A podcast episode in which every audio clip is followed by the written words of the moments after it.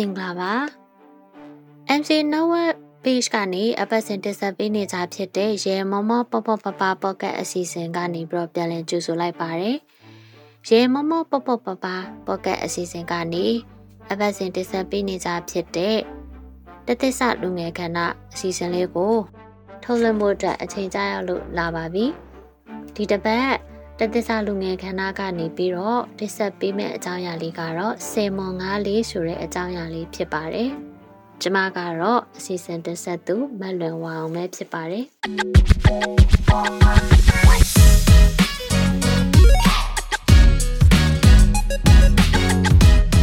ဒီကိုမမတို့ရေစေမွန်ငါးလေးဆိုတာနဲ့စေမွန်ငါးလေးအကြောင်းကိုကြားဘူးကြတယ်လို့ထင်ပါတယ်။စေမွန်ငါးလေးအကြောင်းကို ကြားဘူးတဲ့သူလည်းရှိသလိုမကြားဘူးတဲ့သူလည်းရှိမှာပါ။ဘာပဲဖြစ်ဖြစ်ဆယ်မွန်ငါးလေးအကြောင်းကိုဒီ season လေးမှာနားထောင်ကြည့်ရအောင်ပါ။ဆယ်မွန်ငါးလေးလို့ပြောတဲ့အချိန်မှာဆယ်မွန်ငါးတို့အပြန်ဆိုတဲ့တခြင်းကိုသွားပြီးတော့တတိယစဉ်းစားမိတဲ့သူလည်းရှိလိမ့်မယ်လို့ထင်ပါတယ်။ဒီဆယ်မွန်ငါးတို့အပြန်ဆိုတဲ့တခြင်းကို ကျမတို့ဟိုအရင်တုန်းကအဆိုတော်ကြီးဥခင်ဝဲကနေပြီးတော့ တီးဆိုထားတာဖြစ်တယ်ပေါ့နော်အာဒီသချင်းထဲမှာဆိုလို့ရှိရင်စာသားတွေကဆယ်မွန်ငါးတွေရဲ့တဘာဝကိုရေးဖွဲ့တည်ကုန်းထားတာဖြစ်တယ်ပေါ့နော်ဆိုတော့ဒီသချင်းထဲမှာတချို့သောစာသားလေးတွေဆိုလို့ရှိရင်မိုးရီစံမိုးရီစံဆယ်မွန်ငါးတို့အပြန်ဆိုပြီးတော့အဲ့ဒီလိုမျိုးစာသားလေးတွေပါတယ်ပေါ့နော်အဲ့ဒီစာသားလေးကိုနားထောင်ကြည့်မယ်ဆိုရင်မိုးကာလာမှာဆယ်မွန်ငါးတွေကသူတို့အရက်ဒေတာကိုပြန်လေးရှိတယ်ဆိုတာကိုကျမတို့က ခံမှန်းကြည့်လို့ရတယ်ဗောနော်ရေစမ်းဆိုတဲ့အတိုင်းပဲဆယ်မွန်ငါးတွေကရေစုံကိုစီးဆင်းပြီးတော့လိုက်ပါသွားတာမဟုတ်ဘဲနဲ့ရေစမ်းကိုစံတက်သွားတာဆိုပြီးတော့ဒါတို့အကဲခတ်လို့ရပါတယ်ဒီ program လေးမှာလည်းဆယ်မွန်ငါးလေးရဲ့ဆွဲသက်တီဘလို့ရှိတယ်သူတို့ဇာတိနေကိုပြန်တဲ့အခါမှာလမ်းမှာဘလို့ပဲအခက်ခဲရှိရှိအတားအဆီးရှိရှိဒီအတားအဆီးအခက်ခဲတွေကိုဆွဲကောင်းကောင်းနဲ့ကြော်ဖြတ်ရင်းနဲ့ သူတို့ရဲ့မွေးရမြေကိုမရောက်ရအောင်ပြန်နေဆိုတာလေးကိုကျမကအတူယူဖော်ပြရင်းနဲ့ကျမရဲ့ကိုရီးဖြစ်ရလေးနဲ့ပူးတွဲတင်ဆက်သွားမှာပဲဖြစ်ပါတယ်။ဟုတ်ပါပြီညီကောင်မောင်နှမတို့ရေစင်မုံငါးလေးဆိုတဲ့အကြောင်းအရာလေးကိုကျမနဲ့အတူလိုက်ပါနားဆင်ခန်းစားကြည့်အောင်ပါနော်။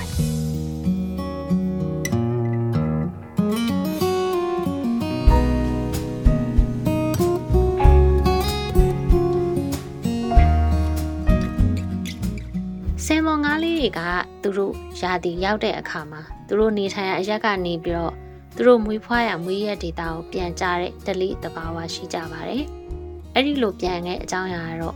သူတို့ရဲ့မျိုးပွားချိန်ရောက်ရှိလို့ပဲဖြစ်ပါတယ်။သူတို့ကရေငန်မှာနေထိုင်လေးရှိပြီးတော့မွေးရဒေတာဖြစ်တဲ့ရေချိုအရက်ကိုပြန်ကြတာပါ။ရေချိုမှာမွေးဖွားတယ်ပြီးတော့ရေငန်မှာကြီးပြန်းတဲ့မျိုးစိတ်ဖြစ်တယ်ပေါ့နော်။ ဆိုရေချိုမှာတန်းမြနှစ်နှစ်ထာကာလအထိနေထိုင်ကြတယ်ပြီးတော့ပင်လယ်ပြင်ကြီးစီကိုသူတို့ဟာထွက်လာကြတယ်အဲ့ဒီပင်လယ်ပြင်ထဲမှာလည်း၃နှစ်လောက်ကြာတဲ့အထိကျင်ပေါ်ကျင်ပတ်တွေရှားကြတယ်ပြီးတော့မှဒီမျိုးပွားတဲ့အချိန်ရောက်တော့မှမိမိတို့အရက်စီကိုပြန်ကြတာပေါ့နော်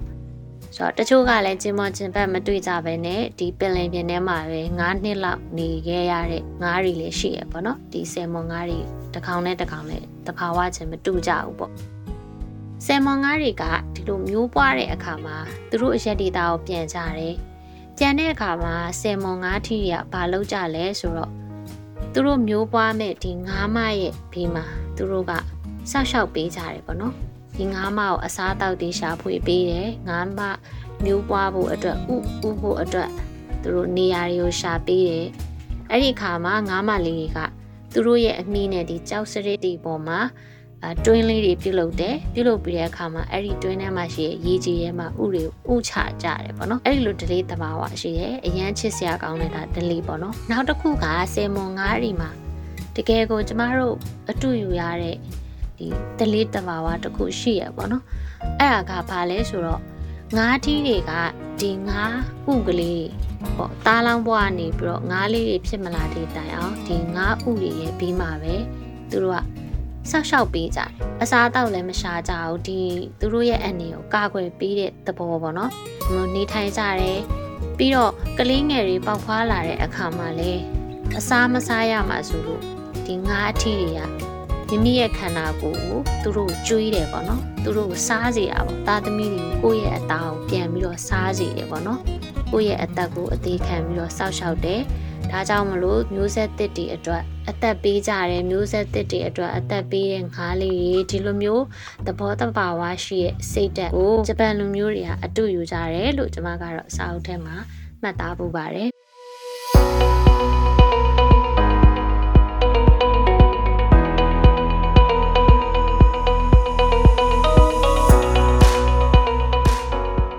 ဟုတ်ကဲ့ပါညီကိုမောင်နှမတို့ရေ အခုပြောပြသွားတာကတော့ဆယ်မော်ငါးလေးတွေရဲ့အကြောင်းကိုဘ ഹു တုတရချာလေးထပ်ဆောင်ပြီးတော့ပြောပြသွားတာဖြစ်ပါတယ်။အဲကျမတိကပြောချင်တဲ့အကြောင်းအရာကဆယ်မော်ငါးလေးတွေဘယ်လောက်ဇွဲတက်တိရှိရဆိုတော့ပြောပြချင်တာဖြစ်ပါတယ်။ဆယ်မော်ငါးလေးတွေကအဲ့ဒီလိုမျိုးသူတို့ရဲ့မူရဲ့မြေကိုပြန်တဲ့အခါမှာဒီရေရဲ့ဆန့်ကျင်ဘက်ပေါ့ရေရဲ့ဆန့်ကျင်ဘက်အဲတဘာဝရဲ့ဆန့်ကျင်ဘက်ကိုသွားကြရတာပေါ့နော်။ရေက မြင့်ရအနေနဲ့ရကိုစီစဉ်ကြတယ်ဒီလိုစီစဉ်တတ်တဲ့သဘောတဘာဝကိုဆန့်ကျင်ပြီးတော့ကုခတ်ကြတယ်ဒီလိုမျိုးကုခတ်တဲ့နေရာမှာမိမိတို့အရက်ဒေတာကိုရောက်ဖို့အတွက်ရေစည်းရဲ့ပြောင်းမြောင်စံတက်ကြတယ်ရေရဲ့အရှိန်ကြောင့်ရေရဲ့ဆွဲခေါ်ရအောင်ပါသွားပြီးတော့ခဏခဏဆိုသလိုရေအောက်ကျမ်းပြင်ကိုရှောက်သွားကြတယ်ဒါအပြင်ဒီလန်ခရီးမှရှိရဲ့ငါးဖန်သမားတွေကိုတွေ့ရအခါမျိုးမှာဆိုလို့ရှိရင်လည်းဒါ သူတို့ကဖမ်းဆီးခြင်းခံရတယ်ပြီးတော့ရာသီဥတုကြမ်းတက်တဲ့နေရာတွေရောက်တဲ့အခါဆယ်မြောင်းချောင်းတွေပိတ်သွားတဲ့နေရာတွေရောက်တဲ့အခါမျိုးမှာဆယ်မော်ငါးလေးတွေကသူတို့ရဲ့မွေးရက်ဒေတာကိုမလျှောက်ဖဲနဲ့လက်ခုလက်မှာတည်ဆုံးကြတဲ့ငါးလေးတွေလည်းရှိတယ်ပေါ့နော်ဒီဆယ်မော်ငါးလေးတွေကဘလောက်ပဲလိုမျိုးအခက်ခဲတွေရှိပါစေသူတို့ကဇွဲမလျှော့ပဲနဲ့ဆက်ပြီးတော့သွားကြတယ်ပေါ့နော်ဒီလိုမျိုးရေစီးရဲ့ နောက်ကိုပါသွားလိုက်ပြန်ပြီးတော့ခုန်တက်လိုက်ရေစီးနဲ့ရေရောက်ကိုပြန်ကျသွားလိုက်ရေပုံခုန်တက်လိုက်နဲ့ဒီလိုအချိန်ပေါင်းများစွာအချိန်ပေါင်းများစွာသူတို့စူးစမ်းပြီးတဲ့အခါမှာနောက်ဆုံးမှာတော့သူတို့ရဲ့မွေးရမြေကိုရောက်သွားကြတယ်ဒီเจ้าရာကိုကြည်ချင်းအားဖြင့်ကျမတို့ကဆယ်မော်ငါးလေးတွေရဲ့မလျှော့တဲ့ဆွဲသက်တီကို အတူယူရမှာပဲဖြစ်ပါတယ်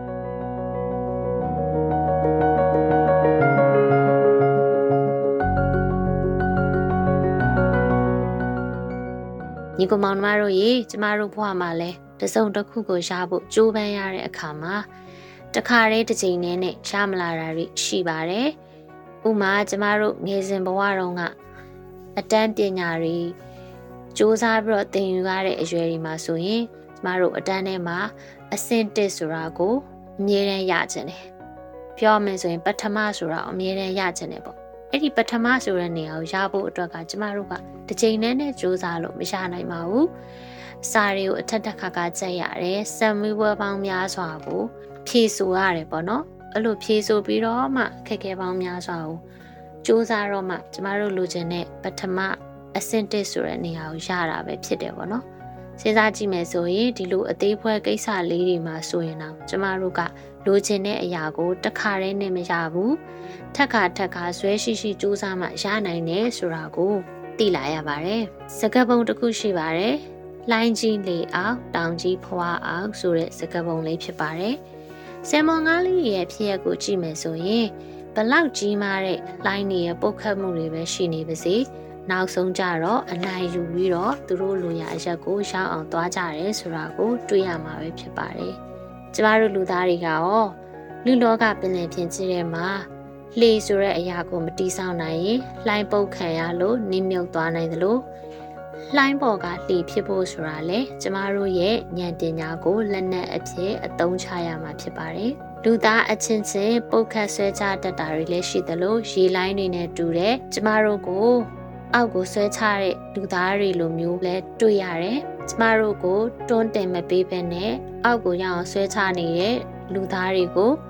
ကျမတို့ကရင်ဆိုင်ဖို့ဆိုတာကဇွဲတက်တိဆိုတဲ့အရာရှိမှဖြစ်မယ်ပေါ့နော်။ကျမတို့လူသားတွေကပြောရကြတယ်ပင်လင်ကြီးကကြဲပြောတယ်ပင်လင်ကြီးကလှပတယ်ပင်လင်ကြီးကမာယာများလိုက်တာဘဝဆိုတာပင်လင်ကြီးနဲ့တူတယ်အဲ့ဒီလိုဝေဖန်တင်စားရကြတယ် အဲ့ဒီလိုဝေဖန်နေမဲ့အစားပင်လယ်ကြီးနဲ့တူတဲ့ဘဝတွေကနေပြီးတော့ရှယ်ရနာလိုအဖိုးတန်အရာတွေကိုရှာဖွေတက်ဖို့လိုပါတယ်မိမိဘဝအတွက်အနှစ်သာရတွေကိုရှာဖွေတက်ရမှာပဲဖြစ်တယ်ကျမတို့ကတခါတရံမှာကျမတို့ကြုံတွေ့နေရတဲ့လောကသဘာဝတရားတွေကိုပုံသေးသတ်မှတ်ထားကြတယ်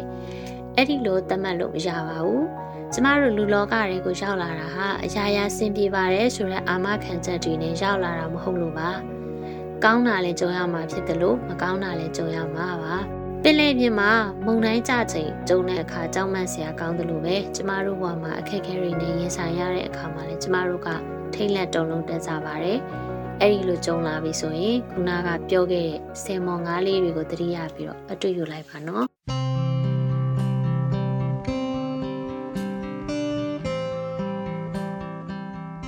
ဒီနေရာမှာကျမဘွားရဲ့အတီးကြုံလေးနဲ့အနှင်းငယ်မျှဝေချင်ပါတယ်။ကျမကလွန်ခဲ့တဲ့တစ်နှစ်ခက်ကကုမ္ပဏီတစ်ခုမှာအလုပ်ဝင်ခဲ့တယ်။အလုပ်ကနေနှစ်စဉ်ဒီဇင်ဘာလရောက်တိုင်းမှာခီးရိုလေးတွေထွက်ဖို့အတွက်အမြဲတမ်းလုပ်ပေးလေးရှိရပေါ့နော်။အဲ့နှစ်ကကျမတို့ကိုဒီကရင်ပြည်နယ်တန်တောင်ကြီးမြို့ပေါ့အဲ့နားမှာရှိရဲ့တောင်ကူမြို့နားမှာရှိပါတယ်အဲ့ဒီတန်တောင်ကြီးမြို့ကိုသွားဖို့အတွက်ကျမတို့ကိုစီစဉ်ပေးခဲ့တယ်ပေါ့နော် အဲ့ဒီမှာရှိတဲ့နော်ဘူဘောတောင်လို့ခေါ်တဲ့စူတောင်းတောင်ကိုသွားကြတာပါပြောချင်တာကဒီနော်ဘူဘောတောင်ကပင်လယ်ရင်မျက်နှာပြင်ကနေဆိုရင်အမြင့်ပေ4800ကျော်မြင့်မာပါတယ်တောင်ရဲ့အပေါ်ကနေပြီးတော့အာကြည့်လိုက်မယ်ဆိုရင်လှပတဲ့ရှုကင်းတွေ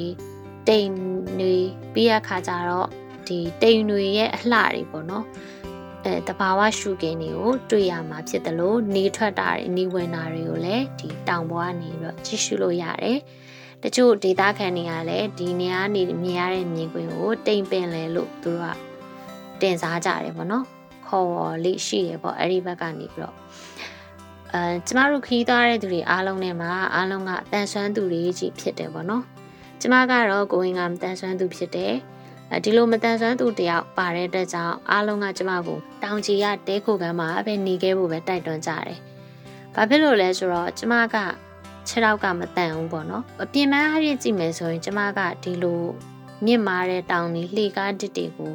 တတ်နိုင်မှာမဟုတ်ဘူးလို့သူတို့စိတ်ထဲမှာယူဆကြတယ်ပေါ့နော်။အဲဒါပေမဲ့ကျမကသူတို့နဲ့လိုက်သွားခဲ့တယ်။အဲကျမတောင်ပေါ်ကြီးရအောင်တက်ခဲ့တယ်။အဲတောင်ပေါ်ကြီးရောက်အောင်တက်တဲ့အခါမှာလဲ ဘလို့ဖြစ်လဲဆိုတော့ကျမတို့ဒီတောင်ကအပေါ်ကိုမြင့်လာလေလေလှေကားတစ်လေးရကျင်းလာလေလေပေါ့နော်အဲ့လှေကားတစ်တွေကျင်းလာတဲ့အခါမှာကျမစိတ်တွေလှုပ်ရှားတယ်ပြီးတော့ဒီတော်ရုံတန်ရုံပေါ့တော်ရုံတန်ရုံလူမျိုးလှေကားအကျယ်ကြီးကိုတော့မနှဲတက်နေရတဲ့လူတယောက်ကလူမျိုးလှေကားကျင်းစင်းလေးကိုတက်ရတဲ့အခါမျိုးမှာအာဖြစ်မှဖြစ်ပါမလားဆိုတဲ့စိတ်ပေါ့အဲ့လိုမျိုးစိတ်တော့ဖြစ်တယ်ဒါပေမဲ့ကိုယ့်ရဲ့စိတ်ထဲမှာအပေါ်ကငါမရောက်ရောက်အောင်သွားမယ် အဲတောင်ထိပ်ကိုရောက်လာလေးလေးကျမအတက်လာလေးလေးအဲတောင်ထိပ်ကိုရောက်မှသာသူများတွေနီးတူငါဒီတဘာဝအလှပတွေကိုမြင်ရမယ်ပြီးလို့ရှိရင်ငါလိုချင်တဲ့နေရာငါရောက်ချင်တဲ့နေရာကိုငါရောက်အောင်သွားမယ်ဆိုရက်စိတ်ပေါ့နော်အဲ့ဒီစိတ်ဖြစ်လာတယ်ပေါ့နော်ဆိုတော့အဲ့ဒီစိတ်ကြောင့်မဲလို့ထင်တယ်ကျမအပေါ်ကိုရောက်သွားခဲ့တယ်ရောက်သွားတဲ့အခါမှာကျမအရန်ပျော်တယ်အဲ့လိုတောင်ထိပ်ကိုရောက်သွားတဲ့အခါမှာ ကျမမြင်ချင်တဲ့အရာတွေအားလုံးကိုကျမမြင်ရတယ်ဒီတောတောင်တွေရဲ့အလားပါတွေဒီနော်ဘူဘာတောင်ရဲ့ရာဇဝင်တွေကအထင်ကြီးရနေရာတွေ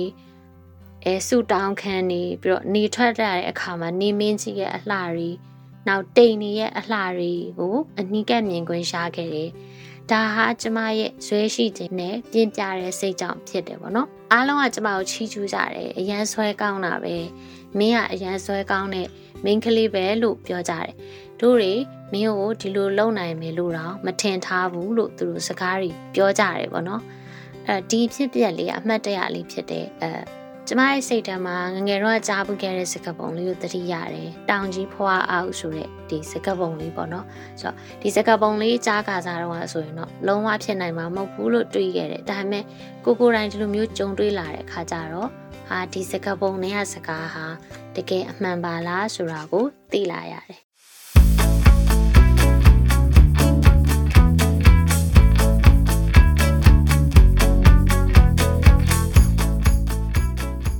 ဒီချင်းရလေးကိုကြည့်မယ်ဆိုရင်ကျမတို့ရဲ့လူသားတွေရဲ့စိတ်မှာစန္ဒဆိုတဲ့အရာဖြစ်ချင်တဲ့ဆန္ဒလှုပ်ချင်တဲ့ဆန္ဒဒီဆန္ဒသာရှိမယ်ဆိုရင်ဇွဲဆိုတဲ့အရာနဲ့ပေါင်းဆက်လိုက်ရင် မဖြစ်နိုင်ဘူးဆိုတာမရှိပါဘူးညီကိုမောင်နှမတို့ရဲ့ဘဝမှာကောဘလို့အခြေအနေမျိုးပဲရှိရှိဘလို့အခြေအနေမျိုးပဲကြုံနေပါစေဇွဲမလျှော့လိုက်ပါနဲ့နော်မရရတဲ့နည်းနဲ့ကြိုးစားလိုက်ပါဆယ်မော်ငါးလေးတွေကိုကြည့်ပြီးတော့ခွန်အားယူပါခုနကကျမရဲ့ကိုရီးဖြစ်ရလေးကိုကြည့်ပြီးတော့ခွန်အားယူပါဒီ season program လေးကိုကျမက ဒီနေရာလေးမှာအဆုံးသတ်ချင်ပါတယ်ကျမရဲ့ဆယ်မော်ငါးလေးဆိုတဲ့ program လေးကိုအစားကနေအဆုံးအထိနားထောင်ပေးတဲ့အတွက်ကြောင့်မလို့ညီကိုမောင်နှမတွေအားလုံးကိုအယံမဲ့ကျေးဇူးတင်ပါတယ်နောက်အပတ်ဒီအချိန်မှာလည်းပဲ MC network page ကနေပြီးတော့ဘလို့စိတ်ဝင်စားစရာကောင်းတဲ့အစီအစဉ်လေးတွေကိုတင်ဆက်ပေးမယ်ဆိုတာကိုစောင့်မျှော်ကြည့်ရှုအားပေးပါအောင်နော် ညီကိုမောင်နှမတို့အနေနဲ့ဘဝအမောတွေပြည်ပြီးတော့အခက်အခဲတွေကိုကျော်လွှားနိုင်ပါစေလို့ဆုမွန်ကောင်းတောင်းရင်းနဲ့ဒီအစီအစဉ်လေးကိုဒီမှာပဲရက်နာလိုက်ပါတယ်အားလုံးကိုဒီကနေပြီးတော့နှုတ်ဆက်လိုက်ပါတယ်နောက်တစ်ပတ်ဒီနေရာမှာပြန်လည်ဆုံတွေ့ကြမယ်နော်